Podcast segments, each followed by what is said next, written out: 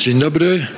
Witam Państwa bardzo serdecznie na kolejnym e, naszym wykładzie z cyklu wykładów polsko-węgierskich organizowanych wspólnie em, z Instytutem Węgierskim w Warszawie. Dziś niestety nie ma z nami pana doktora Tischlera, bo inne obowiązki nie pozwoliły mu dotrzeć do zamku.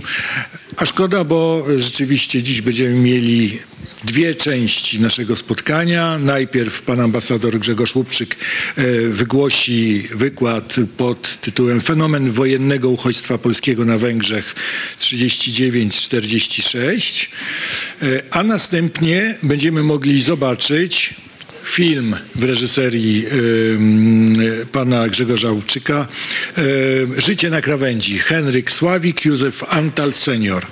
E, Nasz dzisiejszy prelegent jest byłym ambasadorem Rzeczypospolitej Polskiej na Węgrzech, jest reporterem, dokumentalistą, autorem książek i jakby Głównym chyba nurtem zainteresowań w tej chwili to jest właśnie problem uchodźstwa e, polskiego e, w czasie II wojny światowej e, i myślę, że czeka nas naprawdę dziś fantastyczny wykład i bardzo dobry film. Zapraszam. Nie trzeba chwalić dnia. Nie trzeba chwalić dnia, panie dyrektorze, przed zachodem słońca, no ale miejmy nadzieję. Będę się starał. Y, Proszę Państwa, bardzo serdecznie wszystkich witam. Cieszę się, że tak licznie Państwo przybyliście, że chcecie się zanurzyć w historię y, naszego uchodźstwa na Węgrzech w czasie II wojny światowej. Tak jak pan dyrektor y, powiedział, mm, swój wykład, prelekcję nazwałem fenomenem, bo to jest fenomen uchodźstwa polskiego na Węgrzech.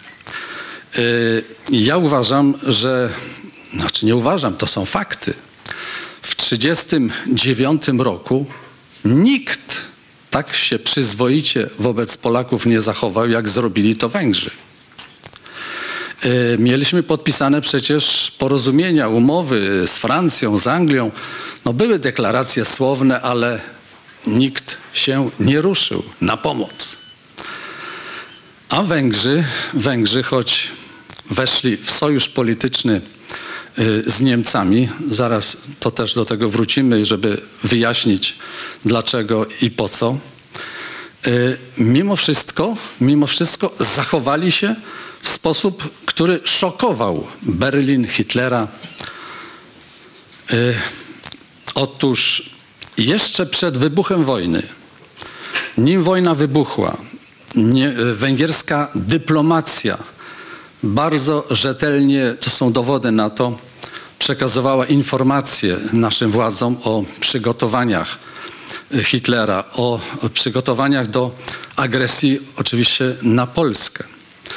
Węgrzy, tak, tak to się złożyło, że no, jako członkowie monarchii austro-węgierskiej niestety po I wojnie światowej no, zostali strasznie okrojeni.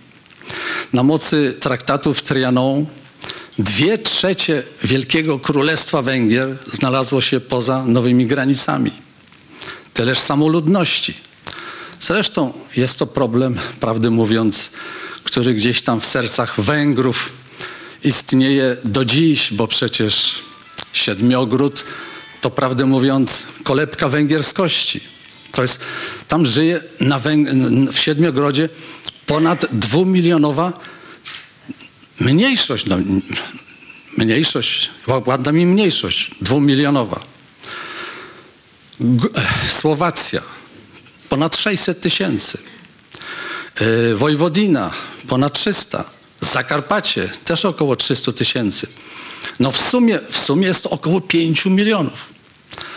Pamiętam, kiedy w 90 roku nowy premier, demokratycznie wybrany Józef Antal junior, syn naszego bohatera dzisiejszego filmu, Józefa Antala seniora, w swoim inauguracyjnym przemówieniu powiedział, że czuje się premierem 15 milionów Węgrów.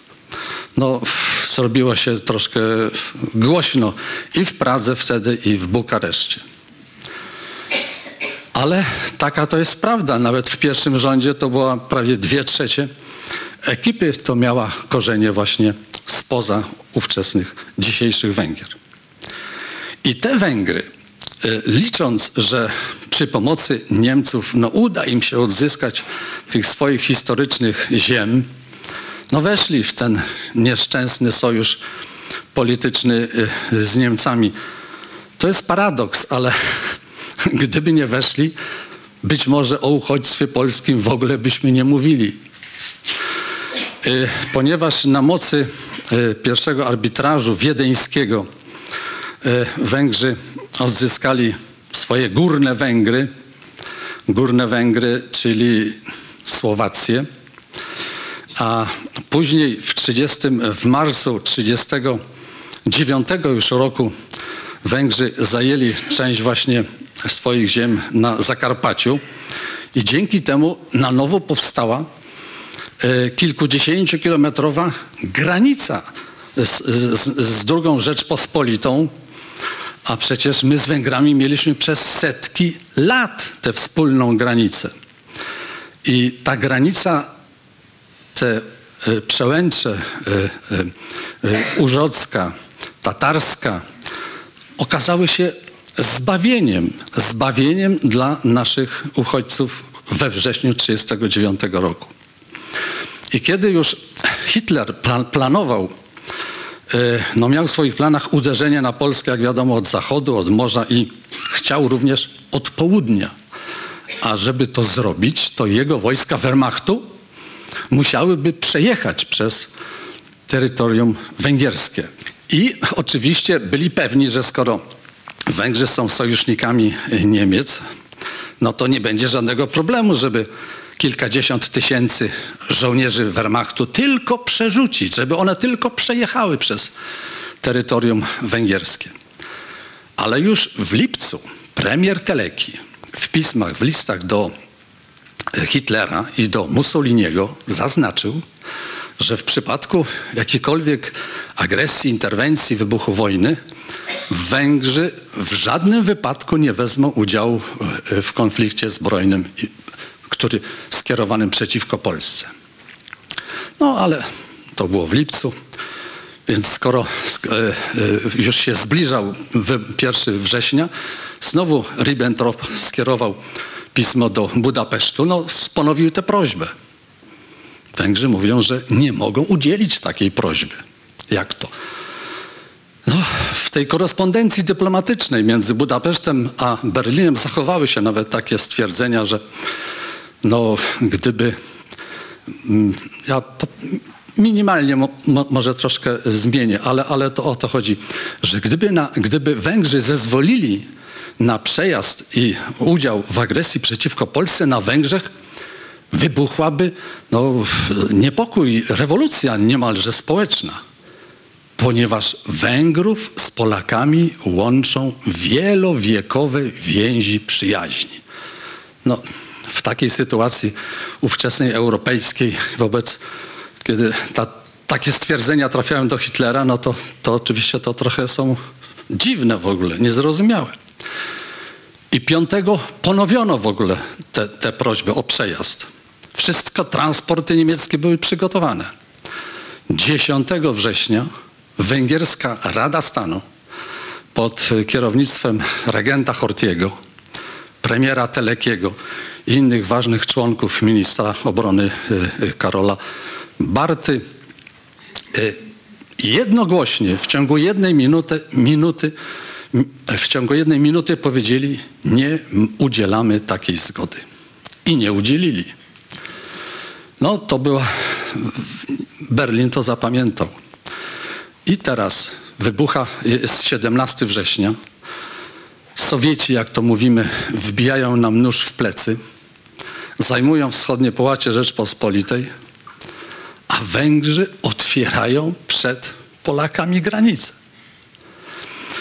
Od 17 września do 25, kiedy to była oficjalna, otwarta granica węgierska, na Węgrzech znalazło się od 130 do 150 tysięcy Polaków.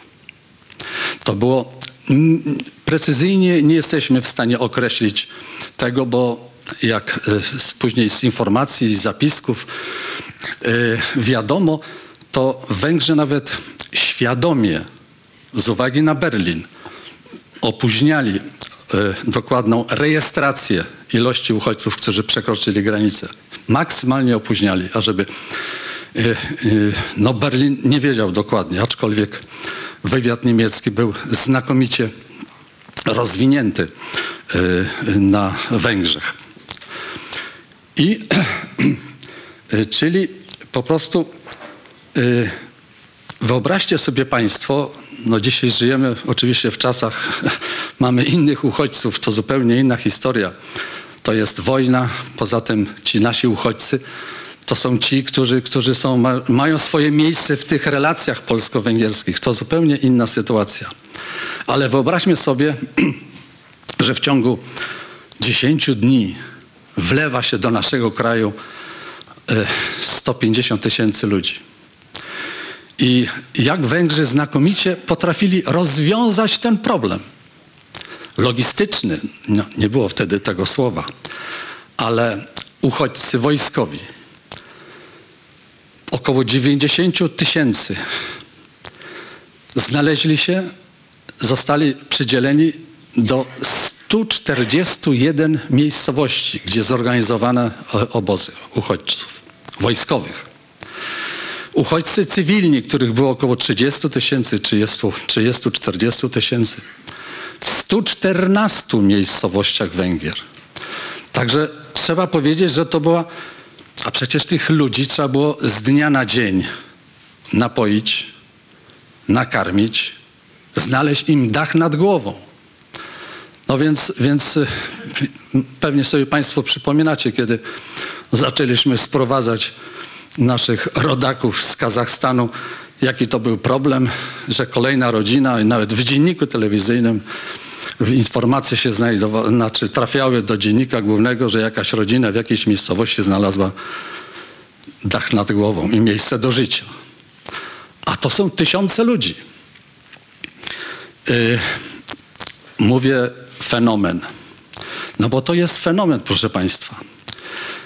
Wyobraźcie sobie Państwo, że Węgry, sojusznik Niemiec. Wybucha wojna. Hitler i Sowieci zajmują Polskę. Nie ma jej na mapach.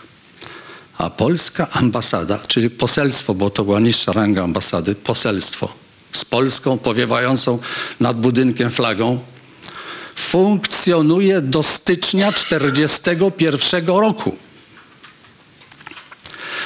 Kiedy ówczesny poseł, ambasador Leon Orłowski, kiedy dostał dyspozycję od naszego rządu na wychodźstwie, że, żeby już nie drażnić tych Niemców, bo i tak wiadomo, jak Węgrzy nam pomagają, idzie na spotkanie z premierem Telekim. Panowie byli w dobrych relacjach i kiedy byli osobiście, właściwie nawet mówili sobie po imieniu. No informuje po prostu Leon Orłowski Telekiego, zmartwiony, załamany, a Telekin odpowiada. Przyjacielu, nie martw się. Teraz ja będę ambasadorem Polski. No czy to nie jest fenomen? Uchodźcy wojskowi, może po, podzielmy, że tak powiem, te, te, tych uchodźców, jak to życie zostało zorganizowane. Jak powiedziałem, w 141 miejscowościach, 141 obozów. Na czele, na czele każdego obozu stał oczywiście komendant węgierski. Byli wartownicy, no ale był też, też zarząd, że tak powiem, obozu Polski. Starszy obozu stał na czele, wybierany demokratycznie, mianowany przez Budapeszt. To były osoby do działalności kulturalnej, sanitarnej, no w każdym razie i, kapelani. Nie wspomniałem, że poza wojskowymi i cywilami w tej masie znalazło się kilka tysięcy dzieci i młodzieży. Nawet na tej sali tutaj dzisiaj mamy, mamy y, kilka osób. To właśnie pan Bogumił Dąbrowski siedzi, pan Tadeusz Peretiatkowicz tu widzę, pan Tadeusz Selbirak. To są dzieci. To była młodzież, która się wtedy znalazła na Węgrzech. Y, Wśród uchodźców znalazło się też kilkudziesięciu polskich duchownych. To byli i kapelani, którzy, którzy służyli w wojsku polskim, głównie y, katolicy, ale również i innych wyznań, tak jak to było w, ówczesnej naszej armii polskiej. I oni odegrali, muszę Państwu powiedzieć, niezwykle ważną rolę.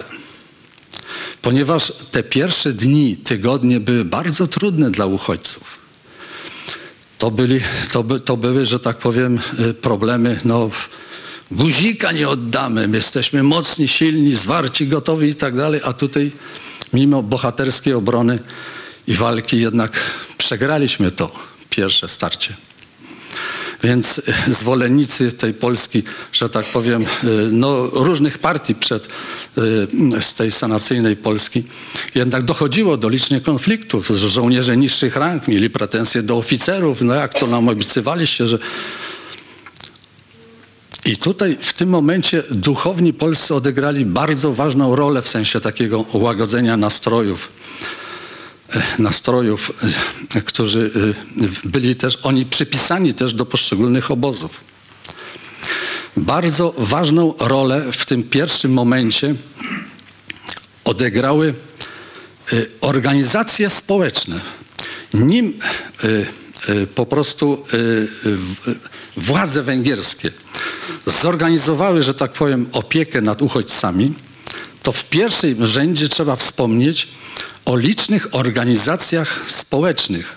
Na Węgrzech przed wojną istniało, działało aktywnie około 15 różnych towarzystw i stowarzyszeń przyjaźni polsko-węgierskiej. I to on, oni, oni właśnie w pierwszej fazie, do nich należała, można powiedzieć, elita węgierska i bardzo, bardzo wielu ludzi, że tak powiem, z rodów hrabiowskich, bogatych. I te pierwsze, pierwsza pomoc była organizowana e, właśnie ze środków zgromadzonych przez te Towarzystwa Przyjaźni Polsko-Węgierskiej.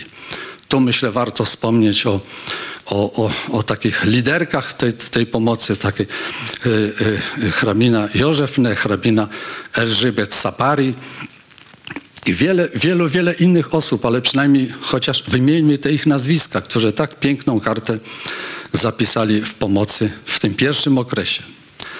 Na wysokości zadania stanął episkopat Węgier. Ówczesny prymas y, y, y, Szeredi dwie konferencje episkopatu poświęcił organizacji nie, z, pomocy po prostu dla polskich duchownych. W kościołach zbierano Y, na tace środki, ażeby, ażeby y, Polakom pomóc. Zbierano środki. To nie tylko chodziło o, o, o, o y, mszały i znaczy no wszelkie, wszelkie, jak to się mówi, in, znaczy nie urządzenia, no do wszystkie te, jak? O, właśnie, do, do, do właśnie sprawowania y, sakramentów świętych Przecież tego Polacy, polscy duchowni tego nie mieli. Zapewniono im y, y, dach nad głową. Przeważnie były to plebanie. No, bardzo aktywnie tutaj prymas załatwił u władz węgierskich, że duchowni otrzymali prawo poruszania się w ogóle po, po y, Węgrzech. Bo wszyscy inni, którzy byli w obozach, mogli. My tak mówimy obozy. Ale jeśli chodzi o e, w przypadku obozów cywilnych, no to jest bardzo nieprecyzyjne określenie. No nie ma drugiego, ponieważ polscy uchodźcy mieszkali e, e, w domach prywatnych, w jakichś domach letniskowych, o obiektach socjalnych. No i po prostu sprawował nad nim zawsze przedstawiciel władz danej gminy czy miasta.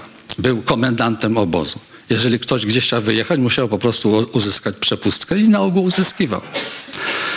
Obozy wojskowe, mówimy, no choć też pi- pi- pilnowane były przez wartowników węgierskich, ale, ale Polacy mogli wychodzić.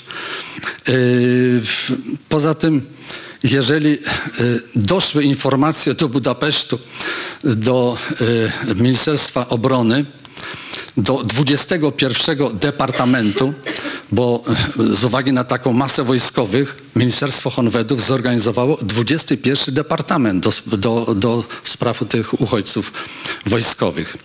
I na czele tego departamentu stanął pułkownik Zoltan Balo. Warto też zapamiętać to jego nazwisko, który po utworzeniu departamentu obok godła węgierskiego kazał sobie wywiesić również, żeby tam było godło polskie. No tacy to byli opiekunowie, takie to były postawy. W pierwszej w ogóle fazie, e, kiedy taka masa wojska się znalazła na Węgrzech, to generał Sikorski, który tworzył armię, e, jak wiadomo wtedy we Francji, no potrzebował po prostu ludzi przygotowanych do, do, do, do tej służby wojskowej. I w, w dosłownie w pierwszych tygodniach została powołana tak zwana e, e, delegatura W, e, konspiracyjna, którą, na której nadzór sprawował ówczesny jeszcze działający atasze wojskowy pułkownik emisarski. A z drugiej strony została powołana struktura przedstawicielstwo żołnierzy polskich do żo, żo, żołnierzy polskich w Królestwie Węgier. I na czele tego przedstawicielstwa, to była ta reprezentacja ze strony polskiej, stanął generał Stefan Dębiński. Potrzeba tu wiedzieć taki trend, że przez Węgry i na Węgrzech znalazło się około o, nie, o 13 polskich generałów. I generał Stefan Dębiński tak wielokrotnie się określa i mówi, że z uwagi na to, że generał Dębiński no, był jednym z bohaterów wiosny ludów, był ważną postacią, ponieważ no, poza generałem Bemem też było wielu wyższych rangi oficerów. No i nazwisko to dobrze się na Węgrzech zapisało. Prawda, nieprawda, ale czasem troszkę legendy też historii się przydaje. No w każdym razie generał Dębiński został pierwszym szefem tego przedstawicielstwa żołnierzy polskich internowanych w Królestwie Węgier.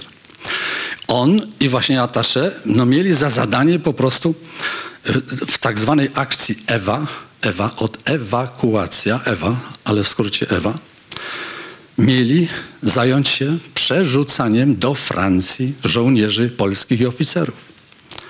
Ale to nie było tak, mimo życzliwości władz węgierskich, że otworzono granice i sobie Polacy czwórkami poszli w kierunku Francji.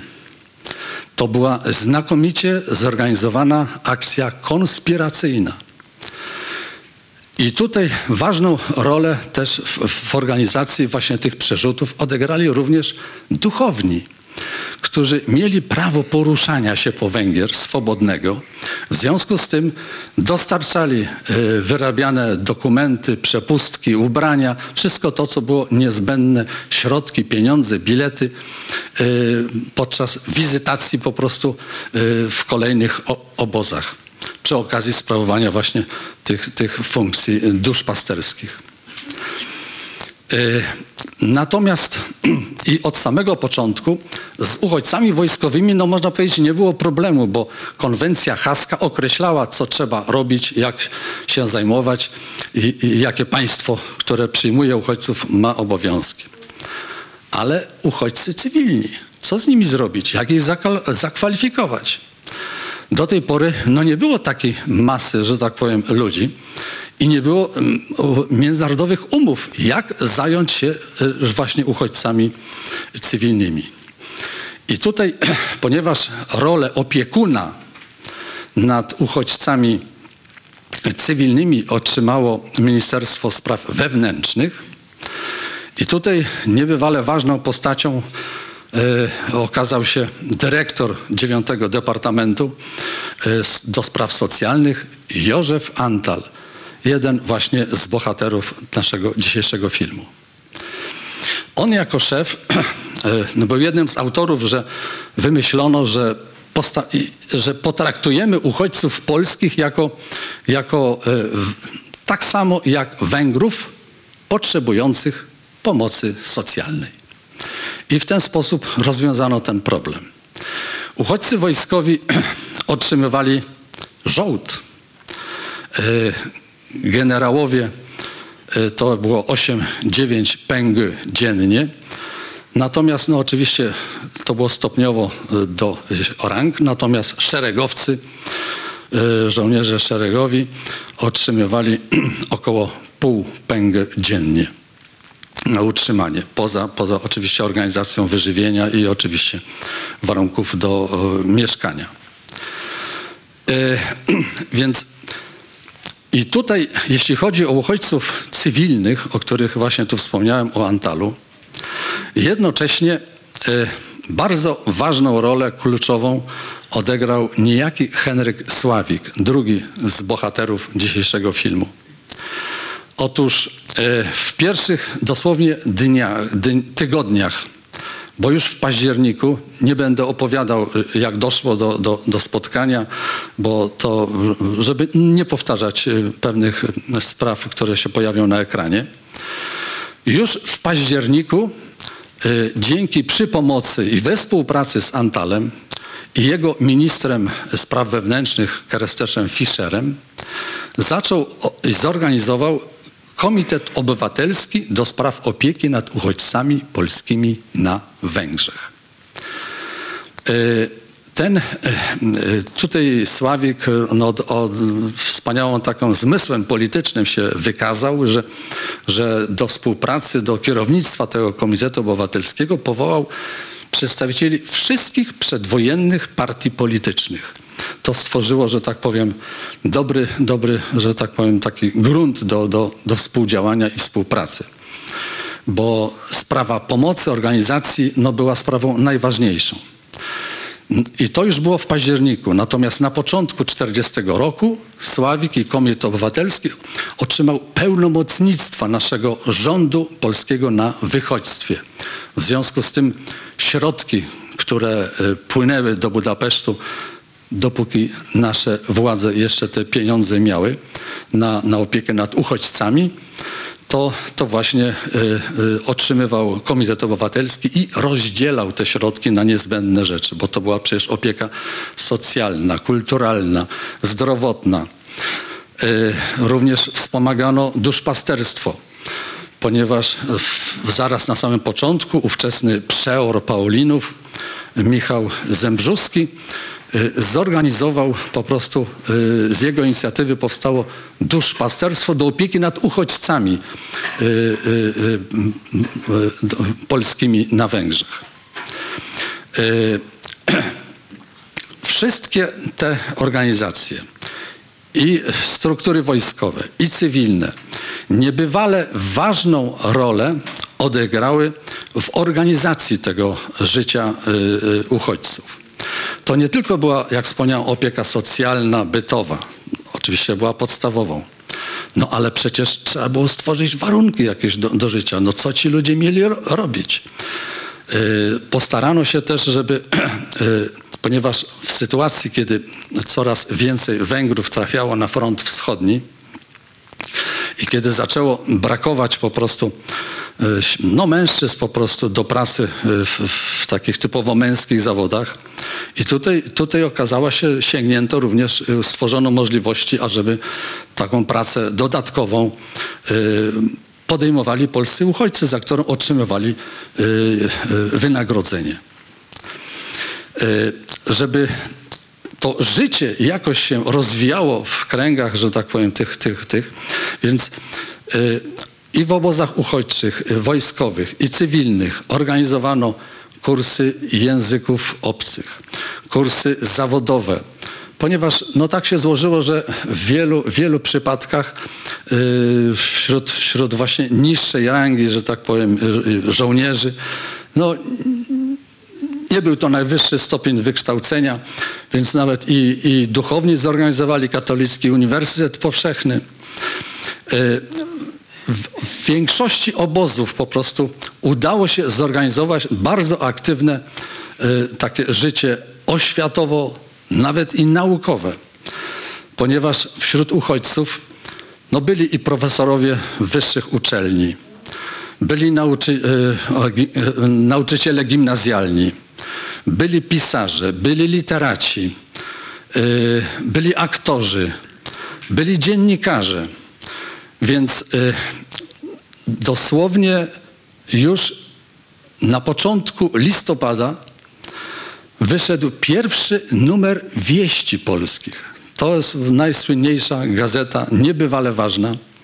Wyobraźcie sobie Państwo, że w ciągu do wkroczenia Niemców na Węgry, kiedy Węgry zostały uznane za, za nielojalnych sojuszników, wyszło 661 numerów. To była normalna gazeta, dwa, trzy razy w tygodniu wychodziła. To były informacje i ze świata o tym, co się dzieje, dzieje, dzieje w, e, w okupowanej Polsce. Dwie kolumny zawsze były poświęcone życiu uchodźców na Węgrzech. Oczywiście e, e, wszystkie te numery były cenzurowane. No ale główny wyznaczony przez Ministerstwo Spraw e, Zagranicznych e, Isztwan Mejsarosz, cenzor, nie skreślił w, w ciągu tych kilku lat ani jednego słowa. Czy to nie jest fenomen? E, I teraz nie- niebywale również poza tą, mówię, wieściami polskimi, poszczególne obozy wydawały tak zwane jednodniówki. Wyszło to kilkadziesiąt obozów, wydało właściwie takie historie e, e, życia w poszczególnych obozach. E, Bardzo aktywnie rozwijało się życie kulturalne. No, karierę robiły chóry e, męskie, które, które i śpiewały dla, dla uchodźców na wszystkich organizowanych e, uroczystościach polskich. Ponieważ w czasie wojny my, ob, uchodźcy, obchodzili wszystkie narodowe polskie święta. Y, I oni nie tylko występowali na tych uroczystościach, ale często dawali bardzo ciekawe y, koncerty dla miejscowej ludności. Więc to, to był też rodzaj takiego, takiego, takiego podziękowania po prostu za, za to wszystko, co, co Węgrzy robią, y, jak się nami opiekują. Y, w, pierwszych mówimy, że o tych 120 do 140, może 150 tysiącach uchodźców, ale w miarę upływu tygodni, dni, no ta liczba zaczęła maleć. Bardzo rozwinęła się ta akcja ewakuacyjna i od jesieni 1939 roku do y, upadku Francji, czyli to jest połowa 40 roku, z Węgier do Francji udało się przerzucić około 40 tysięcy żołnierzy i oficerów. To, to można powiedzieć, to był trzon armii polskiej. Wśród tych przerzuconych znalazł się no, najsłynniejsza taka formacja, to, była, to byli żołnierze e, generała Maczka. On też i jego, i jego podkomendni przeszli przez Węgry. Maczek na Węgrzech y, jeszcze był wtedy pułkownikiem. Dopiero kiedy dotarł do Francji, został awansowany do stopnia generała i jak wiadomo, wspaniałą, niezwykłą rolę odegrał później w następnych latach na zachodzie Europy. Okazał się wspaniałym dowódcą. Przez Węgry przeszedł też e, generał Kazimierz Sosunkowski, który był po, po tragedii w Gibraltarze, został, e, można powiedzieć, nowym następcą naczelnego wodza, wodza Polski. W działalności Komitetu Obywatelskiego e, niebywale ważną rolę i dużą uwagę zwracano na wychowanie i edukację właśnie młodzieży, których było kilka tysięcy. Już od samego początku, jesienią, z uwagi na to, że wśród uchodźców byli nauczyciele różnych szczebli, organizowano takie szkółki. Ale bardzo szybko, dzięki pomocy właśnie Józefa Antala, Ministerstwa Spraw Wewnętrznych, znalazły się środki i zaczęto organizować no, szkoły z prawdziwego zdarzenia. Do prawdziwej legendy, do prawdziwej legendy przeszło słynne gimnazjum i liceum w Balaton Boglarze. To właściwie wszyscy tych uchodźców, których tutaj mamy na sali, których wymieniłem, oni wszyscy chodzili do tej, do, do tej szkoły. To kolejna niebywale ważna, piękna postać, którą warto zapamiętać, to jest ksiądz Biela Warga tamtejszy proboszcz, a jednocześnie poseł do parlamentu węgierskiego. Y, y, można powiedzieć, że w dobrych relacjach był i z premierem Telekim, który zlecił mu właściwie zadanie stworzenia, że tak powiem, warunków do nauki nad, nad młodzieżą. Y, Najpierw ta szkoła była w Balaton Zamardi, ale już po roku i aż do końca, czyli do 1944 roku funkcjonowała w Balaton Boglarze. Przez tę szkołę przeszło około 600 młodych Polaków. E, około setki z nich zdało, otrzymało w Balaton Boglarze świadectwa dojrzałości.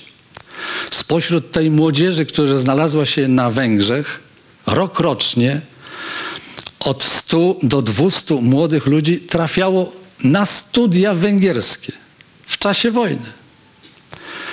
E, Środki organizowały polskie organizacje. Organizował również nuncjusz papieski, który z Watykanu, z Watykanu też zdobywał środki na, na pomoc dla e, polskich, polskich studentów. To w ogóle też niezwykła, piękna postać. Arcybiskup Angelo Rotta, ówczesny nuncjusz, który w 1943 roku tak troszkę demonstracyjnie, żeby pokazać po prostu stosunek i, i Watykanu, i, i Kościoła y, i węgierskiego do, do uchodźców polskich, wizytował wszystkie polskie obozy których no to w 1943 roku, z uwagi na to, że Polaków w ramach tej ewakuacji ubywało, w 1943 roku jeszcze na Węgrzech było 25 obozów wojskowych i około 30, nazwy- nazwijmy to w cudzysłowie, obozów właśnie cywilnych. Y, No, przez te wszystkie, i tutaj nie mogę nie wspomnieć o tym, y, z czego, z czego że tak powiem, no, Sławik tak pięknie wpisał się do polskiej historii jako największy polski sprawiedliwy. Otóż od y, początku 40 roku do wkroczenia Niemców na Węgry, co nastąpiło 19 y, marca 1944 roku, kiedy to Węgrzy, no, widząc, że jednak w zły sojusz weszli, próbowali już negocjacji, w czym również i polskie organizacje uchodźcze y, pomagały w nawiązaniu kontaktów z aliantami. No niestety wywiad niemiecki wpadł na trop tych, tych wszystkich negocjacji i 19 marca nastąpiła okupacja Węgier. Do tego momentu, do tego y, momentu y, na Węgrzech, na Węgrzech no jeszcze było około d- 25 tysięcy y, polskich uchodźców i wojskowych i, i, i cywilnych. Y, Jeśli chodzi o y, aha i do tego czasu od 40 roku początku Sławik choć nie miał wyraźnych instrukcji y, z Londynu, ale po prostu to był taki człowiek, o który, którego Państwo poznacie, y, nie będę mówił więcej, ale po prostu zaczął wystawiać przy pomocy Antala świadectwa, nowe dowody y, dla polskich Żydów na typowo polsko brzmiące nazwiska. I tutaj bardzo ważną rolę odegrali y, polscy y, duchowni i węgierscy, którzy wystawiali polskim Żydom fałszywe metryki chrztu. Mimo, że władze węgierskie bardzo sprzyjały Polakom, no ale jednak musiały zachować pewien jakiś taki kamuflaż, z uwagi na, na, na y, y, Berlin. I w związku z tym no, trzeba było spełnić pewne niezbędne warunki do wystawienia takich dokumentów. Według, według y, Yad no, przyjęto taką liczbę, ponieważ nie wszystkie te przypadki rejestrowano, to Sławik przy pomocy Antala uratował, dzięki niemu przeżyło około 5 tysięcy polskich Żydów. To jest największy polski sprawiedliwy. Ja nie ukrywam, boleję ciągle, że mimo, że od wielu lat walczę, walczę, no staram się, że tak powiem, wydobyć tego Sławika z niebytu. Yy, Myślę, no sporo rzeczy udało się oczywiście już zrobić, ale ciągle, ciągle i Sławik, i uchodźstwo polskie, i tę pomoc niezwykłą, którą otrzymaliśmy od Węgrów, ciągle on nie funkcjonuje, że tak powiem, w naszej takiej powszechnej świadomości i wiedzy historycznej, na jaką zasługuje. Według pamiętników Antala i niektórych relacji polskich, polskich y, y, liderów tego uchodźstwa, do wkroczenia Niemców takich dokumentów na nowe nazwiska wystawiono około 14 tysięcy. Nie twierdzę, że wszystkie dotyczyły y, y, Żydów, ale y, również według świadków żydowskich, między innymi takiego Henryka Zimmermana, który, który w 1943 roku uciekł, udało mu się uciec z obozu pracy w Bieżanowie.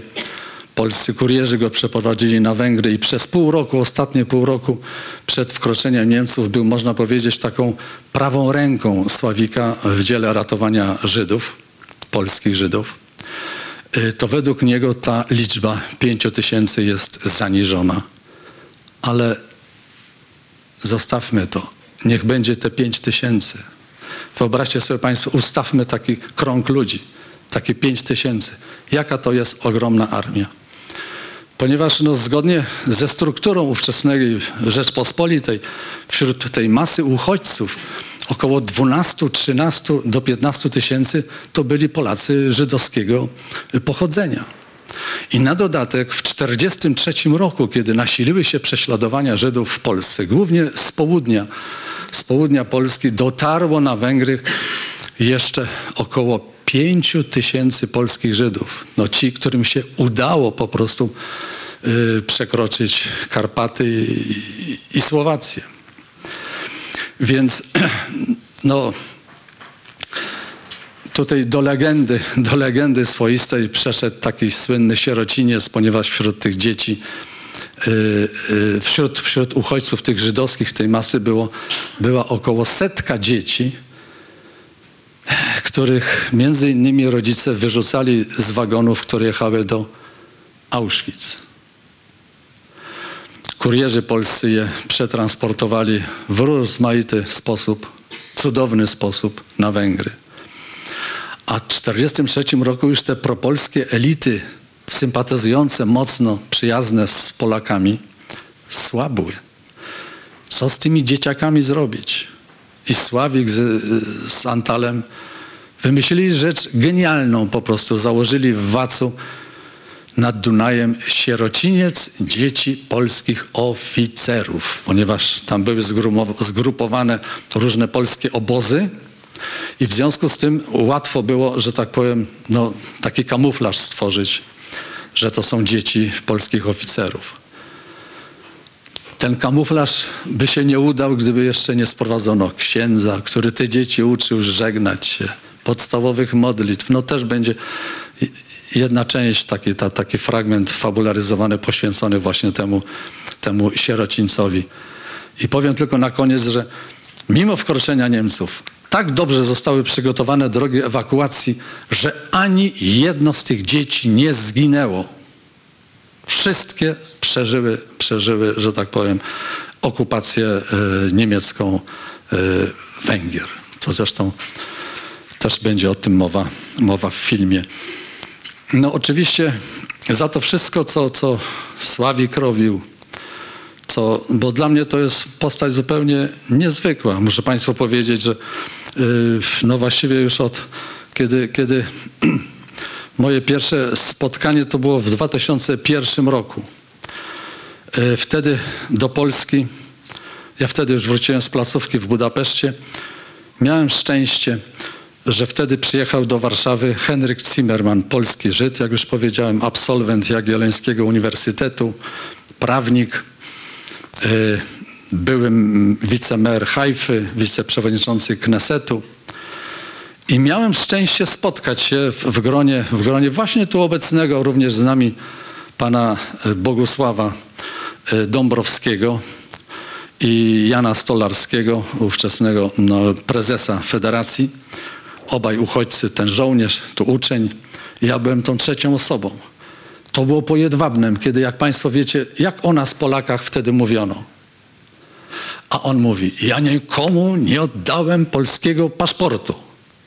Ja się czuję Polakiem. E, mamy przecież polskiego Wallenberga. Dlaczego go nie wyciągamy? Prawda? Spojrzeliśmy na niego, polskiego Wallenberga. Każdy z nas no, miał, można powiedzieć, niemałą wiedzę na temat uchodźstwa polskiego na Węgrzech. E, polskiego Wallenberga? No jak to mówi? Na, prawie nakrzyczał na nas. Nie wiecie? No to pytamy, kto to jest? On mówi Sławik, Henryk Sławik. Ponieważ no niestety w latach, latach powojennych no, nie chwaliliśmy się tym, że, że, że, że ratowaliśmy. To jest kuriozalne, ale, ale tak było. I nie mogliśmy uwierzyć no, w to, co on nam opowiedział, że tak powiem, o, o tej sferze nieznanej, bo to, że Sławik był był, że był prezesem, że był dobrym organizatorem życia uchodźców. To, to było wiadomo. Ale ta sfera, że tak powiem, tak niezwykłej działalności, no była zupełnie nieznana. Ja też nie mogłem uwierzyć. Pamiętam, że szef centrum, centrum y, żydowskiego na Kazimierzu, który, który wcześniej odwiedził Zimmerman, kiedy się spotkał z nim pan Rusek, to publicznie kiedyś przyznał, jak on zaczął opowiadać, to ja myślałem, że to jakiś starszy pan, bo to już pod dziewięćdziesiątkę dobiegał. Mówi, pewnie fabułkuje, no coś wymyśla. Szczęśliwie żyła jeszcze wtedy córka Sławika w Katowicach, córka Antala.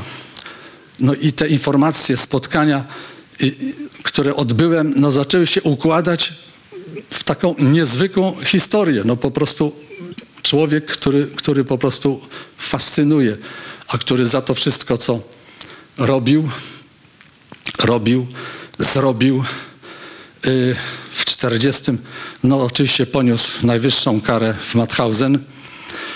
Yy, natomiast, natomiast w 46 roku został po raz drugi skazany na wyrokiem, że tak powiem, skazany na wykreślenie go z pamięci publicznej. No bo jak to? Radni Katowic przyjęli nawet ulicę jego imienia w, w, w Katowicach. Ale zaraz, zaraz. Nowe prądy polityczne już wiały i co?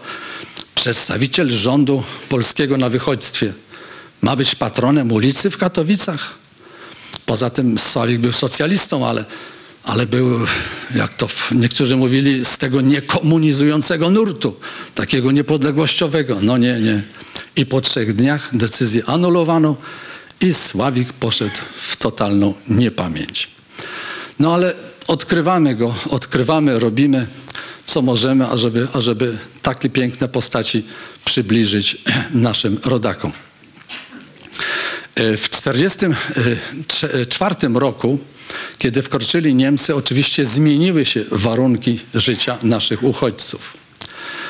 E, wielu Niemcy, ponieważ już zbliżała się ofensywa e, sowiecka, i więc Niemcy, ponieważ Salashi wtedy już przejął władzę, faszysta e, węgierski, wtedy popędzono, że tak powiem, kilka tysięcy Polaków do obozów w Austrii i na terenie y, Niemiec. Y, wielu, wielu oczywiście udało się przeżyć na Węgrzech do końca, ponieważ życzliwych, niezwykłych ludzi, y, przyjaciół prawdziwych, y, niemalowanych, ale prawdziwych na Węgrzech nie brakowało i, i po prostu większość jednak dotrwała do, do, do samego końca, końca y, w, w, wojny na Węgrzech. I kiedy w Budapeszcie zakoń, zakończyły się kilku, y, właściwie prawie trzymiesięczne walki o Budapeszt, kiedy dzisiaj jeździmy, odwiedzamy, podziwiamy Budapeszt, to trudno jest nam uwierzyć, że Budapeszt po Warszawie i po Berlinie był trzecią najbardziej zniszczoną stolicą w Europie. Trzy prawie niepeł... dwa i pół miesiąca trwały ciężkie walki o Budapeszt, ponieważ górzysta e, Buda no, sprawiała, że, że nie było łatwo zdobyć Budapeszt. Wszystkie most, mosty, no po prostu jak kiedyś oglądałem wystawę po prostu, jak wyglądał Budapeszt w 40, to nie mogę uwierzyć, że jest to miasto, które, które dzisiaj podziwiamy i zachwycamy się jego urokami. Y, zaraz po y, wypędzeniu, że tak powiem, Niemców z Budapesztu, Polacy pod kierownictwem takiego pana Spasińskiego, to też warszawiak, y, zorganizowali taki komitet organizacyjny do spraw repatriacji. I już po dwóch miesiącach istnienia tego komitetu pierwszy pociąg repatriacyjny z repatriantami, znaczy z uchodźcami po prostu wyruszył do, do Polski. Przez Węgry łączyły się szlaki, znaczy to nie tylko byli ci uchodźcy, ci, którzy doczekali zakończenia wojny na Węgrzech, ale również przez Węgry prowadziły szlaki Polaków z Bałkanów, z południa. W sumie około 30, około 30 tysięcy przez Węgry, że tak powiem, wróciło naszych rodaków do Polski. Ponieważ jesteśmy w Zamku Królewskim, to byłbym nie w porządku, gdybym nie wspomniał o postaci y, podpułkownika, pułkownika Aleksandra Króla, architekt. Y, ten człowiek ma swój wielki wkład w odbudowę tego miejsca, gdzie jesteśmy. Y, a na Węgrzech, jako podpułkownik, od, od właściwie 40 roku aż do y, wkroczenia Niemców był właśnie szefem tego przedstawicielstwa żołnierzy polskich internowanych w Królestwie Węgier. Także bardzo, bardzo, bardzo piękną rolę i, i, i po prostu no, byłbym nie w porządku, gdybym nie wspomniał jego, jego nazwiska. Ci nasi wielcy opiekunowie, którzy tak się nami opiekowali, tyle serca wkładali, po zakończeniu wojny niestety ponieśli kary. Ponieważ na Węgrzech, no po pierwszych latach, kiedy jeszcze demokratyczne wybory zostały zakończone sukcesem, no ale jednak wkrótce komuniści pod wodzą, jak się mówi, najlepszego ucznia Stalina, Rakosziego przejęli władzę, to uznano, twierdzono, że to węgierscy burżuje pomagali polskim burżujom. Więc, więc tacy ludzie jak, jak właśnie Antal, to będzie, że tak powiem, na fi filmie pokazane, co go spotkało. Ale na przykład pułkownik Zoltan Balo, który, który, który i pomagał w przerzutach, przymykał oczy na wiele. Gdy komendant węgierski był zbyt surowy to go natychmiast zmieniał, żeby był życzliwy Polakom. Yy, który no, dawał tyle dowodów, że tak powiem, życzliwości i przyjaźni. Oczywiście, yy, ponieważ no, wywiad niemiecki, jak powiedziałem, był dobrze rozwinięty, więc takie były silne naciski na Ministerstwo Honwedów, że, że w 1943 roku został zdymisjonowany. Ale jego następca, pułkownik Laurent Utashi, również wszedł, można powiedzieć, w te same buty y, po pułkowniku y, Zoltanie Balo i, i, i, i również zapisał bardzo piękną kartę, jeśli chodzi o, o, o pomoc. I on również I ten Zo- Zoltan Balo, proszę Państwa, po wojnie został zdymisjonowany. Odebrano mu apanarze. Yy, dorabiał jako stróż nocny. Ten wspaniały człowiek dorabia jako stróż, żeby w ogóle prze, ży, przeżyć. Yy, ponoć, nie wiem czy to jest do końca sprawdzone, ale, ale jedna z takich opowieści twierdzi, że zatrudniał się też i nosił kwiaty po prostu z kwiaciarni. I ponoć raz dostał, y, że tak powiem, zapotrzebowanie, żeby zanieść kwiaty do ambasady polskiej. E, Więc myślę, że o tym też warto, warto pamiętać i wiedzieć, że zamiast nagród, honorów, to na Węgrzech i w tamtych latach spotkały ich e, po prostu represje. E, Laurent Utashi, ten następca Balo, z całą rodziną został wysłany do obozu reedukacyjnego, żeby się dostosował jako pułkownik dyplomowany e, przedwojennej sz- szkoły oficerskiej węgierskiej, e, żeby się no, przystosował do warunków do życia w nowym ustroju ludowym.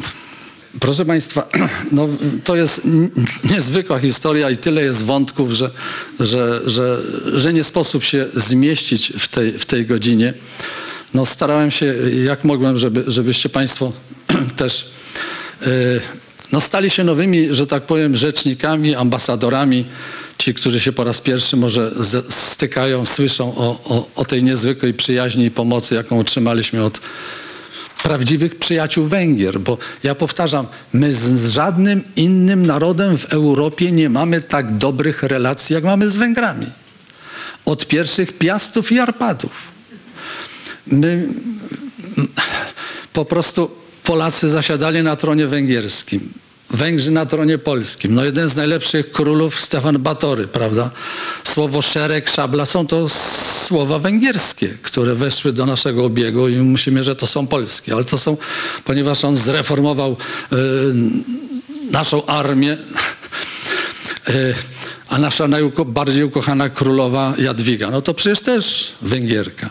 Razem umieraliśmy, walczyliśmy pod Mochaczem i pod Warną. Razem walczyliśmy w, w okresie wiosny ludów. Z generałem Bemem było ponad 5 tysięcy Polaków. Kilkuset Węgrów walczyło w szeregach ramię w ramię z powstańcami naszymi styczniowymi.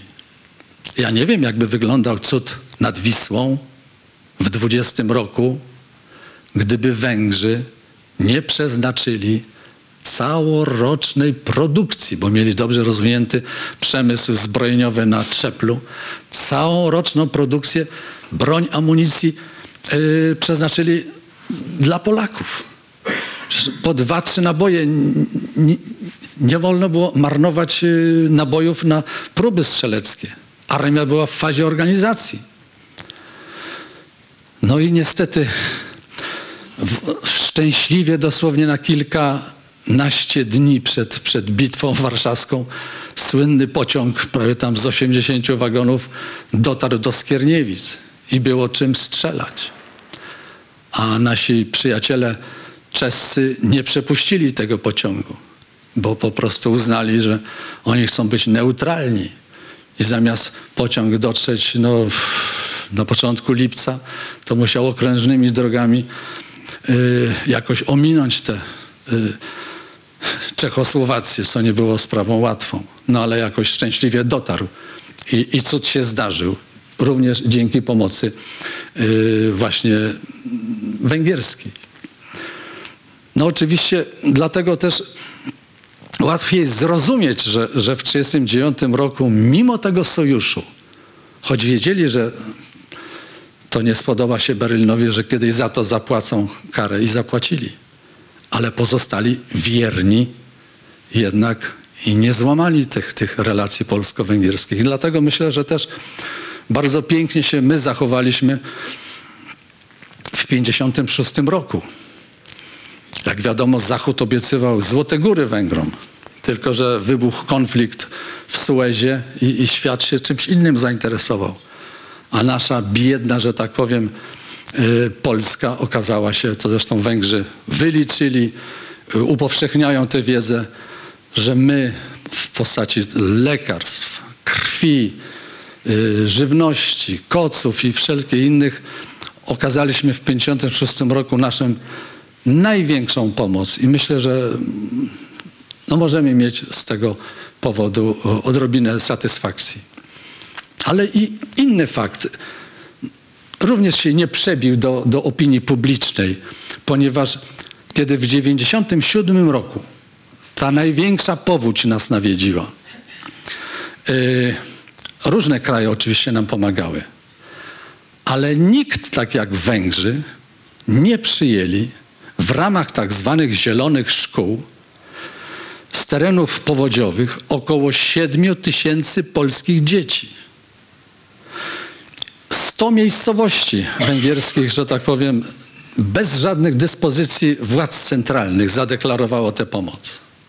W kościołach na tace nawet zbierano w ogóle pieniądze, żeby można było przyjąć, przyjąć y, polskich, polskie dzieciaki. No znam to i pamiętam, że prosiłem media i tak dalej, alarmowałem, żeby o tym napisać. No ale żadne dziecko się w balatonie nie utopiło, nie było żadnej tragedii, nawet nikt nogi nie złamał, więc po prostu media się jakoś nie zainteresowały.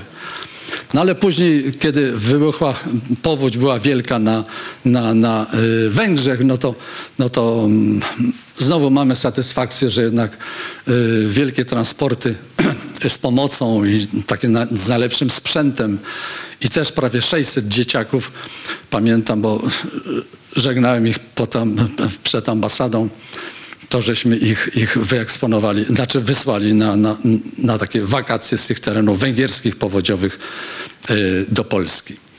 A dzieciaki z Ukrainy, czyli znaczy akurat z tego Zakarpacia, ale węgierskie, w domu polskim, który mamy w Budapeszcie, zbudowany przez polskich emigrantów zarobkowych przed I wojną światową, y, którzy tam się znaleźli, przez pół roku y, też właśnie ich gościliśmy, więc no, myślę, że są ważne takie, takie gesty dla podtrzymywania. Ja mówię, no, tak, to jest tak jak z kwiatem, również z przyjaźnią, no, trzeba go podlewać.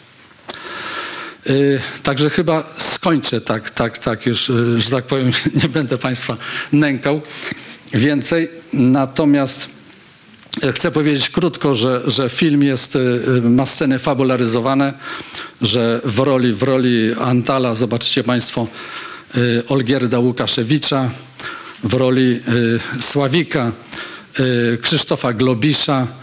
Y, Dodam, że to była ostatnia jego rola filmowa przed y, tym fatalnym wylewem. My nagrywaliśmy zdjęcia y, w końcu maja, a na początku lipca właśnie ten taki wylew strasznego dopadł w studio chyba radiowym tu w Warszawie. Y, A narratorem, narratorem filmu jest, jest, jest no człowiek, który, który ma głos chyba najpiękniejszy w Polsce, tak mi się wydaje, czyli Piotr Frączewski. Więc, więc po prostu y, zapraszam do, do obejrzenia i przepraszam, y, dziękuję za cierpliwość, że Państwo, że tak powiem, wysłuchaliście.